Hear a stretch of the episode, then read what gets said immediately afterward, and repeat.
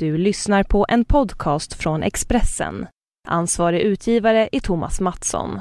Fler poddar hittar du på expressen.se podcast och på iTunes.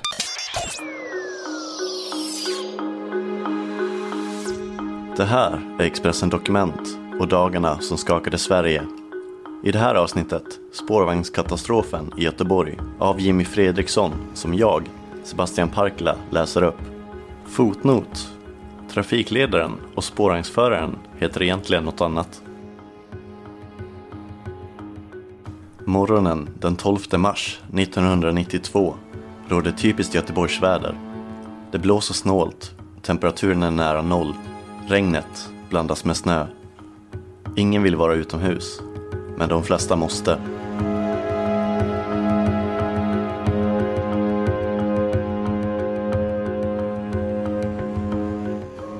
I mörkret klockan 04.00 anmäler sig den då 44-årige trafikledaren Nils Strömberg för tjänstgöring på spårvägens huvudkontor på Rantorget i Gårda. Strömberg har gått den långa vägen. Han började som bussförare, avancerade till förman och jobbar nu som trafikledare. Han rycker ut när något händer. I rapporten från Statens haverikommission beskrivs Nils Strömberg som en person som ställer höga krav på sig själv, kollegor, underordnade och ledning. Han är en handlingskraftig man som med hög målsättning agerar för att lösa sin uppgift. Han har pondus i sin befälsföring, men ger uttryck för en viss sårbarhet som människa, ska utredarna skriva i haverirapporten efter olyckan. 05.22 går spårvagnsföraren Roger Andersson på sitt pass. Han är 46 år, ensamstående pappa till två pojkar och har tagit sig tvärs över stan för att köra spårvagn nummer 19 på linje 7 från Bergsjön till Tynered. Roger har kört spårvagn i fyra år. Haverikommissionens utredare ska senare skriva följande.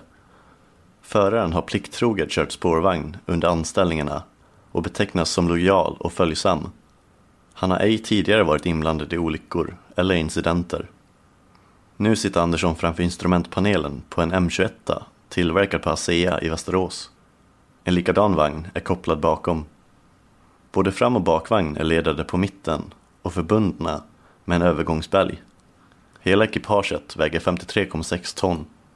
Roger kör sin första tur i mörker och snöglopp genom centrala Göteborg, förbi Vasaplatsen, upp för Aschebergsgatan, till Guldheden, förbi Sahlgrenska sjukhuset, förbi Botaniska och ut mot Tynnered och sen tillbaka igen. Vindrutetorkaren svischar fram och tillbaka. Han slipper i alla fall vara utomhus. Där ute, i den ljussvaga gryningen, trängs kollektivresenärerna i väntkurer eller under paraplyer. De fäller upp kragarna och försöker få så mycket skydd det bara går på väg till jobbet eller skolan. Ingen lyfter på blicken utan försöker stirrande ner i marken undvika att få den iskalla nederbörden i ansiktet. I Göteborg och dess grannstäder har folk börjat vakna. Det sätts på kaffe, äts frukost och letas paraplyer.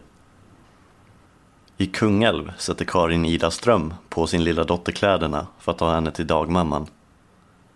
Karin Ida är 39 år gammal, jobbar som bibliotekarie och ska den här dagen åka till bibliotekstjänst som då låg på Guldheden för att lyssna på en presentation om barnböcker.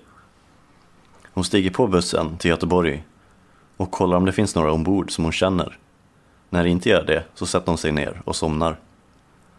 I Högsbo stiger Paul Sirugo upp, duschar, äter frukost och tar sedan spårvagnen in mot centrum för att byta till sjuan vid Vasaplatsen. Paul är bara 23 år, pluggar till matematik och fysiklärare och nu gör han sin sista praktik på Vasa Vux i Landala. Det är bara veckor kvar tills han är färdig lärare. I en polisbil på väg till Allmänna vägen i Majorna sitter Birgitta Norman. Hennes kollega Stefan Karlsson kör. De ska fika och köpa äppelbullar som vanligt. En bit från Vasaplatsen, i en lägenhet på Arkivgatan, gör sig försäljaren Anders Sylvan i ordning. Han ska ta Volvon till jobbet, precis som han brukar. Alla inblandade är lyckligt ovetande om att klockan börjar ticka mot den stundande katastrofen. Att deras liv snart kommer vara förändrade, för alltid. Roger startar nästa långa tur med sjuan från Bergsjön. Men när spårvagnsföraren och hans fulla vagnar precis ska köra in i rondellen och hållplatsen vid Wawrinskys plats går strömmen. Spårvagnståg nummer 19s färdskrivare visar senare att det stannade exakt klockan 08.20.40. Strömmen försvann 8-9 sekunder innan. Det som har hänt är att en annan spårvagn längre fram, nere vid Sahlgrenska, ska ha rivit ner en kontaktledning. Linjenätet ovanför Chalmers till Änggården är totalt strömlöst. Vi har fått strömavbrott och det är lika bra att alla lämnar spårvagnen, säger Roger Andersson till passagerarna. Han öppnar dörrarna manuellt. Folk strömmar ut och försvinner åt olika håll. Sen kontaktar han spårvägens kommunikationscentral via radio. Roger berättar att bakvagnen sticker ut en bit i körbanan. Spårvägens operatör ringer till polisen och till två bilburna trafikledare.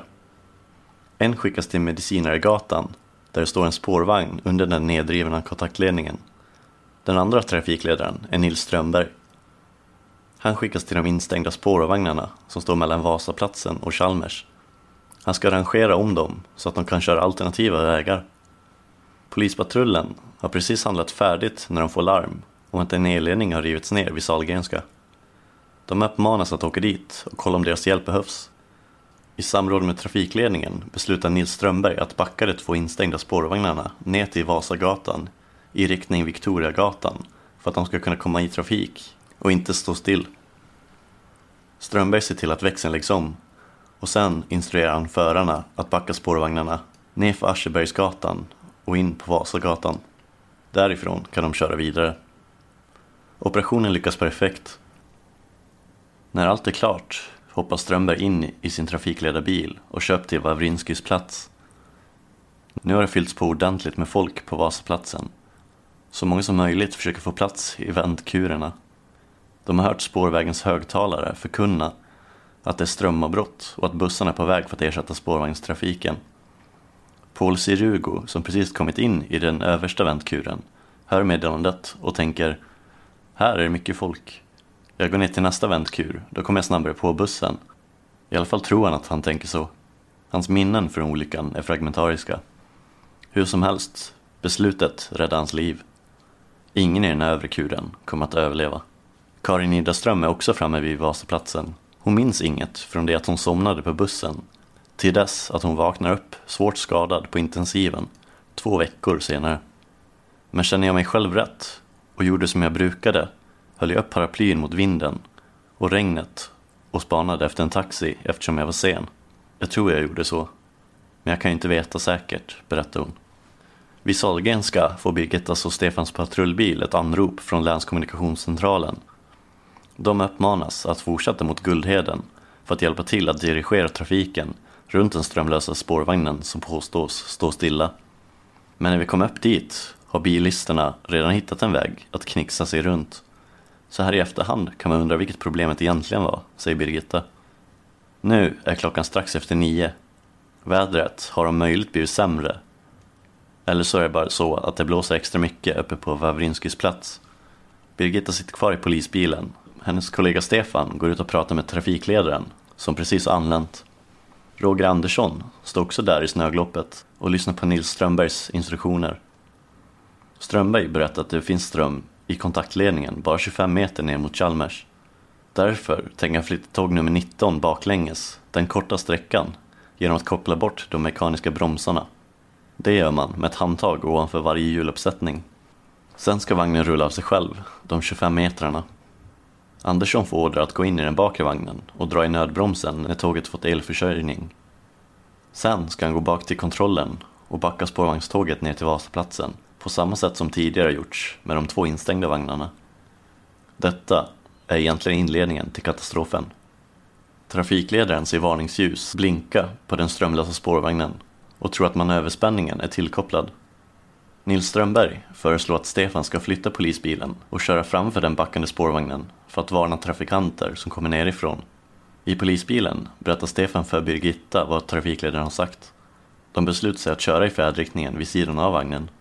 Jag minns att jag tänkte, vadå flytta? Men det vet väl vad de gör, säger Birgitta. Klockan är nu 9.15.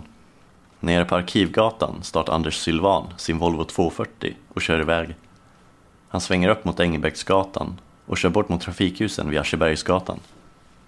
Spårvagnsföraren Roger Andersson öppnar dörren till bakre vagnen och stiger ombord. Han fäller upp strömavtagarna på taket på spårvagnen med en för ändamålet avsedd lina som inte är elektriskt manövrerad. Nu går trafikledaren runt och lossar de mekaniska bromsarna. När han har släppt den sista börjar spårvagnståg nummer 19 att rulla.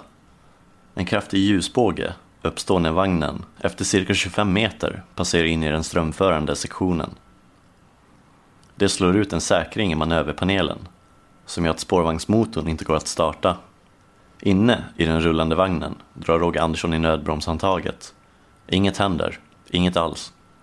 Vagnarna fortsätter baklänges ner för backen. Trafikledaren Nils Strömberg tror inte sina ögon.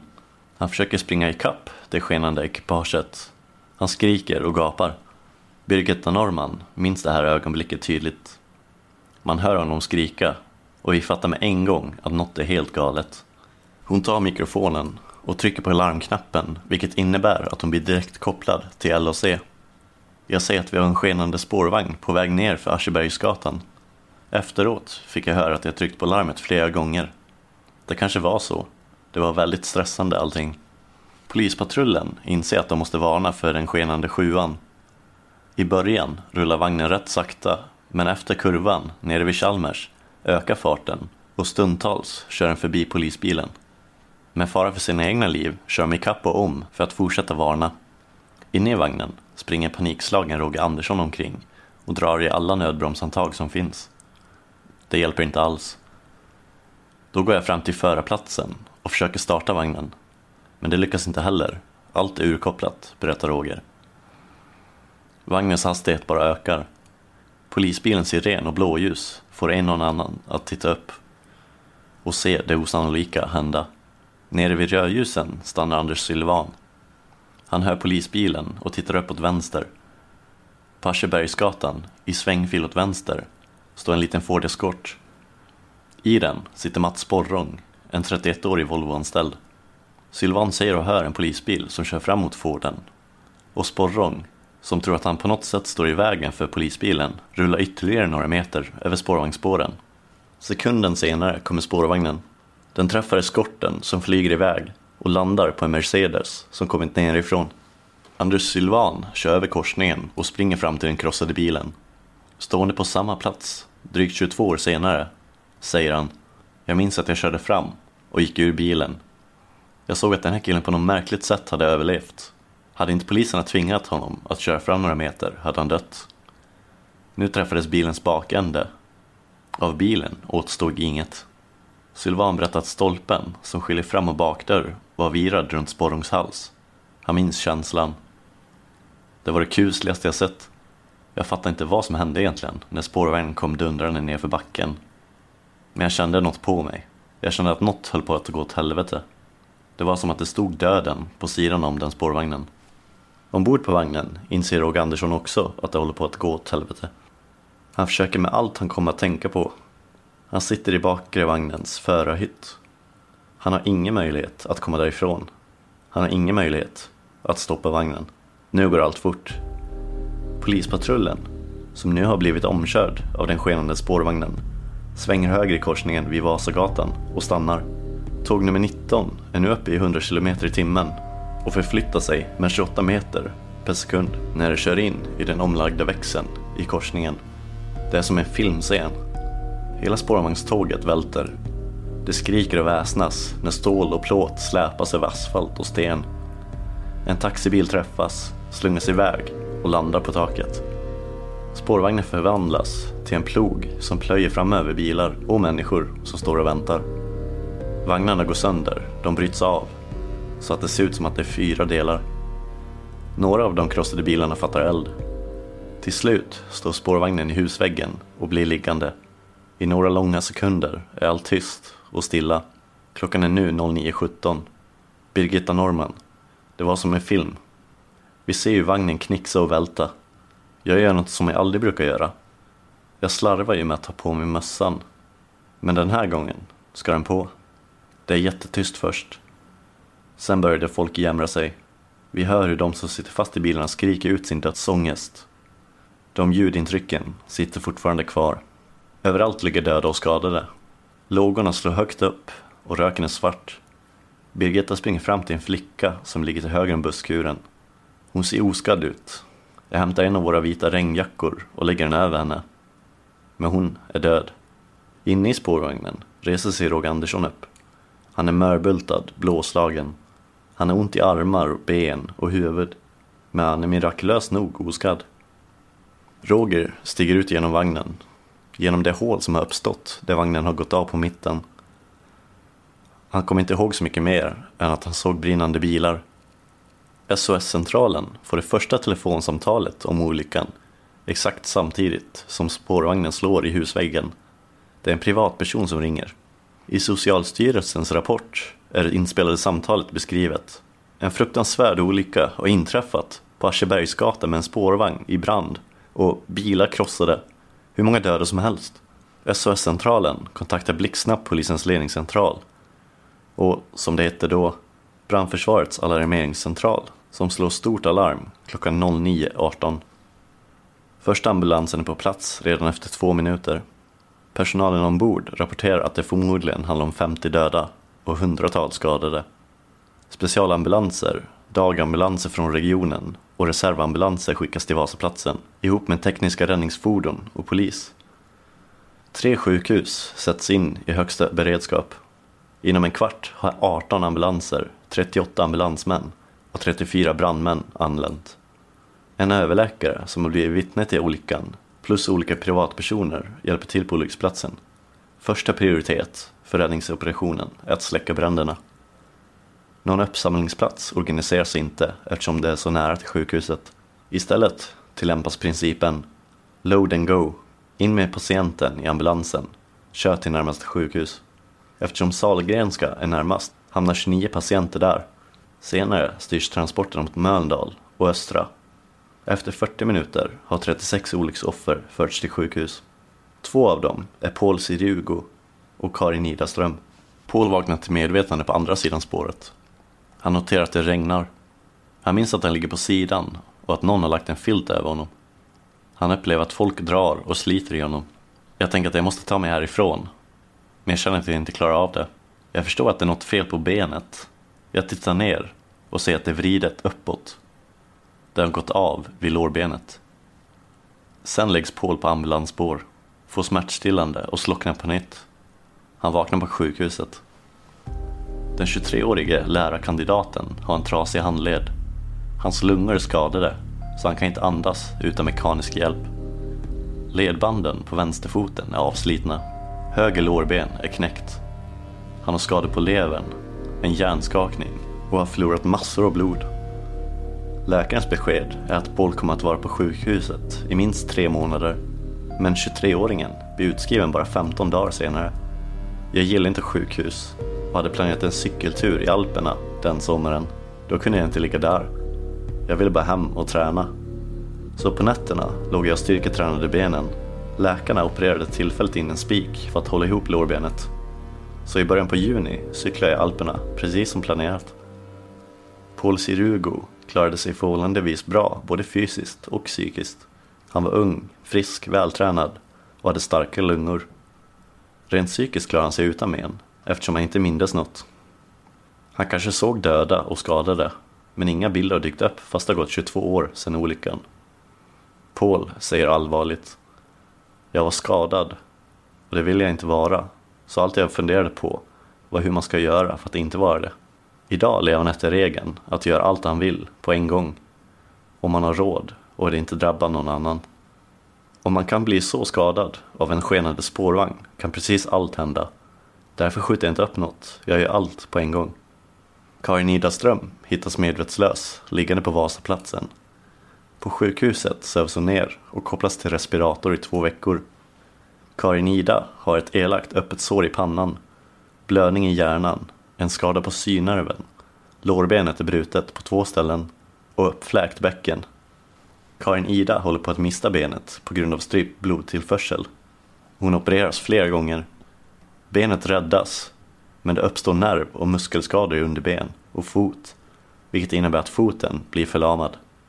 Bibliotekarien från Kungälv får senare en infektion i höften. Den angriper höftkulan så att den måste avlägsnas. Följden är att det ena benet idag är betydligt kortare än det andra. Jag har en konstig dröm. Jag är hemma hos en tidigare arbetskamrat som inte haft någon kontakt med på länge och ligger fastlåst under en stor trähäst. Fullt med folk jag inte känner springer runt mig och trähästen. Jag försöker få kontakt men ingen verkar höra eller bry sig. Sen fick jag höra att den jag hade drömt om att jag besökte hade suttit vid min sjukhussäng och berättat om olyckan.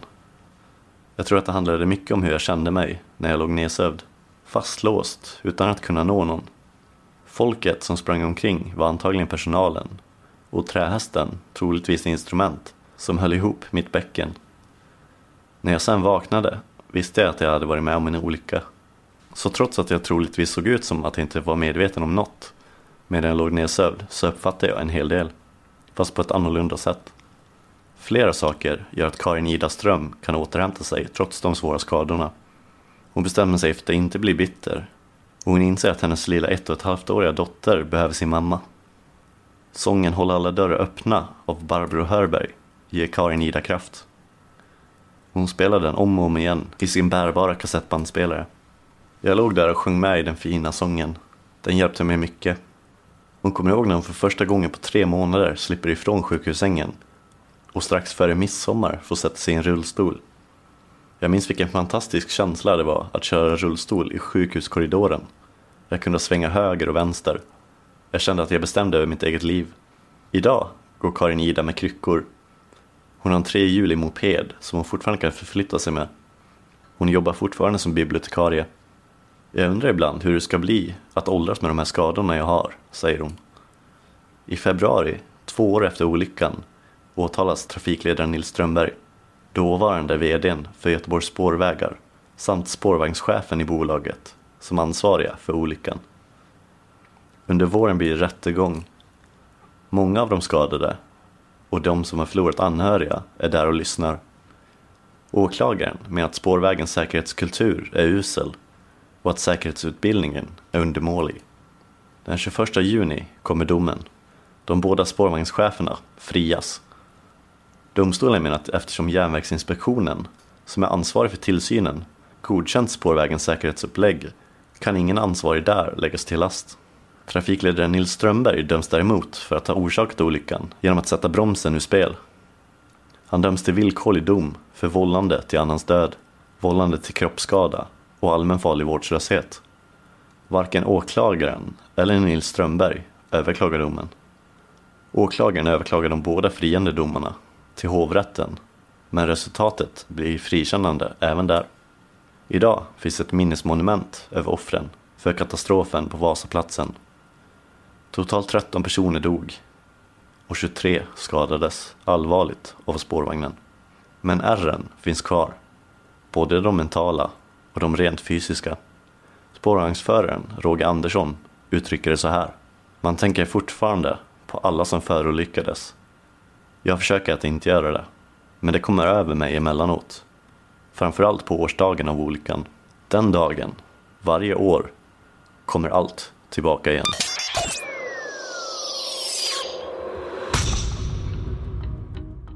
Du har lyssnat på en podcast från Expressen. Ansvarig utgivare är Thomas Mattsson. Fler poddar finns på Expressen.se och på iTunes.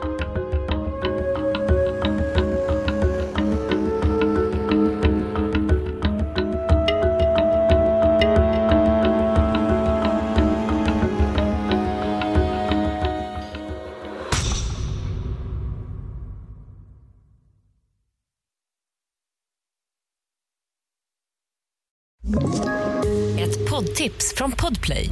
I fallen jag aldrig glömmer djupdyker Hasse Aro i arbetet bakom några av Sveriges mest uppseendeväckande brottsutredningar. Går vi in med hemlig telefonavlyssning och, och då upplever vi att vi får en total förändring av hans beteende. Vad är det som händer nu? Vem är det som läcker? Och så säger han att jag är kriminell, jag har varit kriminell i hela mitt liv men att mörda ett barn, där går min gräns. Nya säsongen av Fallen jag aldrig glömmer på Podplay.